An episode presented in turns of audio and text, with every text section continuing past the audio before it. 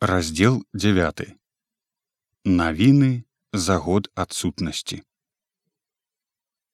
Прыехаў я ў вільню на вуліцах хлюпа мокры снег сцюдзёны ветер і ўвесь горад нейкі хмуры брудны нехарошы.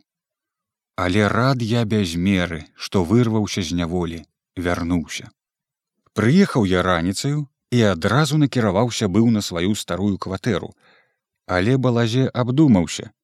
Гэта ж мяне будуць шукаць могуць прыйсці і з вобыскам. Значыцца трэба нейкі час хавацца. Прыйшло ў галаву і я доўга размышляў да каго ж мне накіравацца. Надумаўся зайсці да дзядзькі туркевіча. Дядзьку туркевіча знайшоў я з прычыны свята ў дому.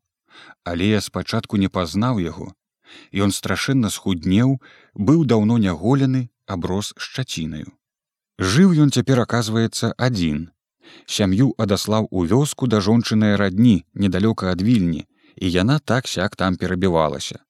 А сам па-даўнейшаму працаваў на лесапільні ў тышкевіча столярам і ледзь не паміраў з голаду.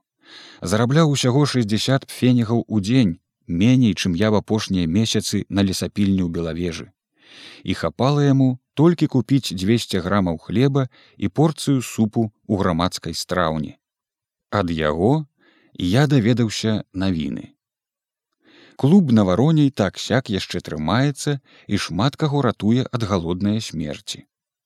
1 мая 1916 года, нягледзячы на акупацыю рабочыя святкавалі, і ў гэтым таксама была вялікая заслуга клуба на вароней.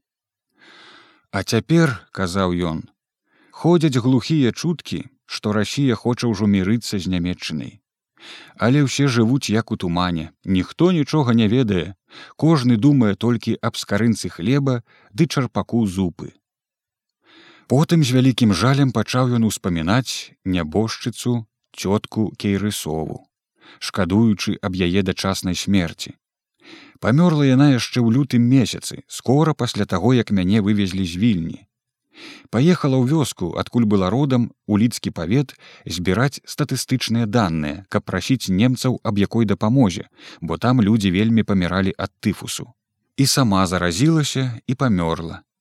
Аб маёй маці ён нічога не ведаў.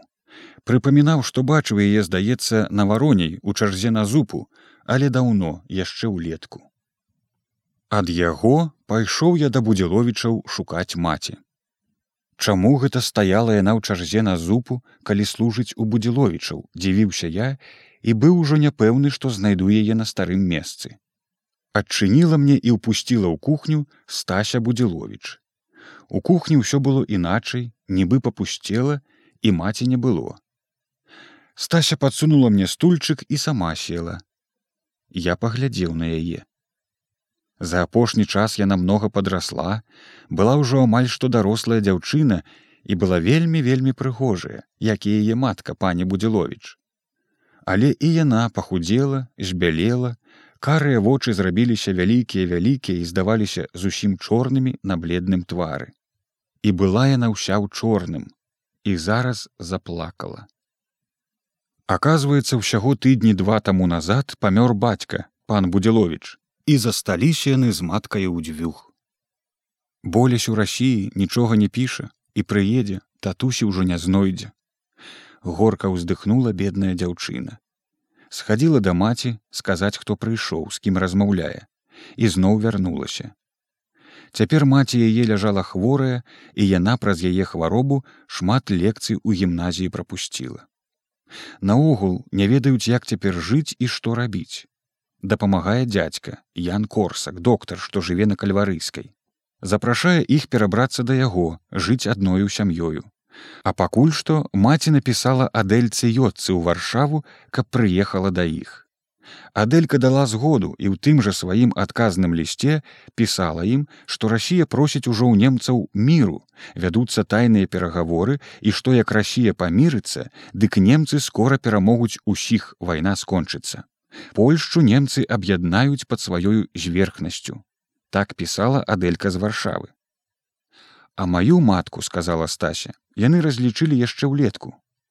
Ах, як не хацелася ім, казала яна нібы вінаватая. Не хацелася адпускаць яе ад сябе ў такі цяжкі час, але мусілі. Татка ўсё хварэў сродкаў ніякіх. І як хутка растуць дзяўчаты. Учора дзіця, сёння жанчына.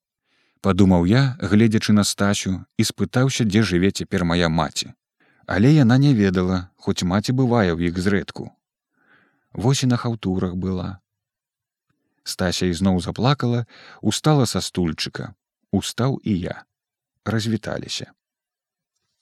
Цяпер накіраваўся я да плахінскіх. Ішоў неахвотна, не хацелася чамусьці спаткацца з ромусем рабейкам. Я ўяўляў сабе яго гаспадаром майстэрні. Пэўна, прыбраў ён ужо да сваіх рук брыклівую юзю, апякуецца янінкай, Маці моя пэўна часам бывае ў іх, і яны таксама падкармліваюць яе свае ласкі, як і будзеловічы. У гэтых сваіх думках я не заўважыў, як каля новага польскага тэатра на пагулянцы стыкнуўся твар у твар з тоўстым і вусатым, як тарас, але па вопратцы не тарасам, а немцам. Першая думка была ў мяне уцякаць. Рука намацала пропуск у кішэні, а ён засмяяўся. Куды паўзеш? сапраўды тарас!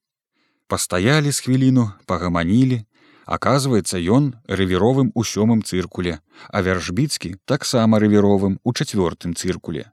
Ну і навіны. Але што дзіўнага каб не памерці з голаду усе рабочыя хапаюцца цяпер за ўсякую работу А вось і карысць ад новая тарасавыя службы Ён дастаў з кішэні кніжачку і на лістку са штампам цыркула напісаў ад свайго імя запіску, што чорны рабочы мацей мышка накіроўваецца ў нейкую кузню узяць там і прынесці ў цыркул нейкія ламы, што давалі туды тачыць. І размашыста расчыркнуўся. Такая запіска ды з такім росчыркам лепш за ўсякі пропуск. Тое месца на вялікай пагулянцы, дзе была майстэрня і кватэра майго дзядзькі Антонія плахінскага, я добра ведаў і памятаваў, а цяпер не мог знайсці. Нумар жа забыўся. Прайшоў раз, прайшоў два. Няма ніякай майстэрні, і дзе раней былі, здаецца, магазины, цяпер зрабіліся нейкія склады ці што, вісяць паржавелыя замкі, вітрыны забіты дошкамі, Каля брамы стаяў, абапёршыся на абмызганую мятлу, худы і жоўты як шкілет, сіваю шчацінаю на падбародку і ў шабадраным балахончыку просты чалавек, як відаць стораж. Я да яго. Аж гэта адзін з былых майстроў майго дзядзькі, а цяпер тут дворнік. Ад яго я даведаўся, што майстэрня даўным-даўно зачынілася. Рабейка, малады гаспадар, папрадаваў усе калодкі і ўвесь інструмент, нажы і рашпілі і шыльцы і вільцы. А сам потым з'ехаў некуды, кажуць у легіёны да пілсудскага ці што. Жонка яго з дзіцём і сястрою перайшла на новую кватэру на вастрабрамскую вуліцу. Нумару дома ён не ведаў, але бываў там, хадзіў да рабэйчыхі, калі рабейка звёз яму пару марак. І стары, усё гэтак жа абапёршыся на мятлу, як змучаны салдат на стрэльбу ці жабрак на кастыль, падрабязна, не спяшаючыся, апісаў мне, як ісці, які дом, а жывуць у сутарэнні, ад брамы направа, у адным пакоі з нейкаю бабуляю, цёткаю іхняю ці што. І я падумаў: якая ж гэта там яшчэ бабуля? Хіба гэта ён пра маю матку? Усё так, як ён казаў, я і знайшоў. Пакой займалі даволі вялікі, і быў ён чысценькі толькі з такой вільгацю ў двух задніх кутах, што нават тынкаванне штукатурка там размякла і абсыпалася. І паветра, як увойдзеш з вуліцы было цяжкое, вільготнае, бо даўно ўжо стаялі халады, а яны палілі ў грубцы праз дзень-два і то трэсачкамі і хварастком, дроў не было хадзілі збіраць ламачоў бор аж за антокаль з мяшкамі. Часам прыцягвалі адтуль якую дошку з пакіненых дач. Стаялі тры ложкі, Юзін у сушэйшым кутку ля печы. Пры яе ложку стаяла зыбка, а ў зыбцы ляжаў яе першародны. Але здалося мне даволі жалкі, Наполеонусь, названы імем юзінага брата, што памёр гадоў дзесяці Юзя таго свайго брата хлопчыка вельмі любіла. Громкае імя спадабалася і рабейку. Матчын ложак стаяў налева ад уваходу каля вільготнай сценкі. Калі я прыйшоў, яна сядзела на ім згорбіўшыся і жахнула мяне сваім выглядам. Да таго змізарнела і пастарэла, зусім бабуля. Жыла яна цяпер з таго, што ўвайшла ў хаўрус з дворнічыхай. Дворнічыха пякла бабку, такі хлеб часоў нямецкай акупацыі, чорны як цэгла з бульбянога шалупіння асевак і льняных жмакаў. А маці тую яе бабку прадавала пад галяй каля вакзала. Юзя брала работу дадому, шыла мяшкі на нямецкае інтэнданцтва. І яна значна пастарэла, збялела, вочы ўваліліся, але зрабіліся большыя і чысцейшыя. Яна такою стала мне нібы падабацца, бо вырушыла ва мне пачуццё жалю і спагады. Калі я прыйшоў, яна карміла дзіця, усхапілася, радасна абняла мяне і пацалавала, як роднага. Янін ложак стаяў направа ад уваходу пры сцяне, што на падворак да брамы. З акна на вуліцу тут было святлей і недалёка стаяў стол. Янінка служыла падавальшчыцаю ў нямецкай вайсковай парыкмахерскай, аж у самым канцы кальварыйскай вуліцы страшэнна далёка і прыходзіла позна. З прычыны свята сёння яе адпусцілі раней. І калі яна прыйшла, я быў і надта рад ёй, вясёлай, маладзенькай і прост залюбаваўся на яе.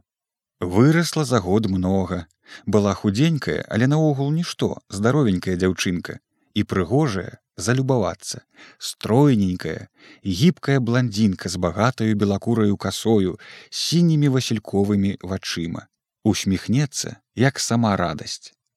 Ёй цяпер жылося лепей за ўсіх бо хаця зарабляла яна вельмі мала як і ўсе але атрымлівала ў парыкмахерскай вайсковы абед ела як салдат апрача таго давалі ёй там часам павідла часам маргарыну і нават праўда зрэдку галеты большага шчасця звычайнаму чалавеку нельга было і жадаць сабе тады ў вільні.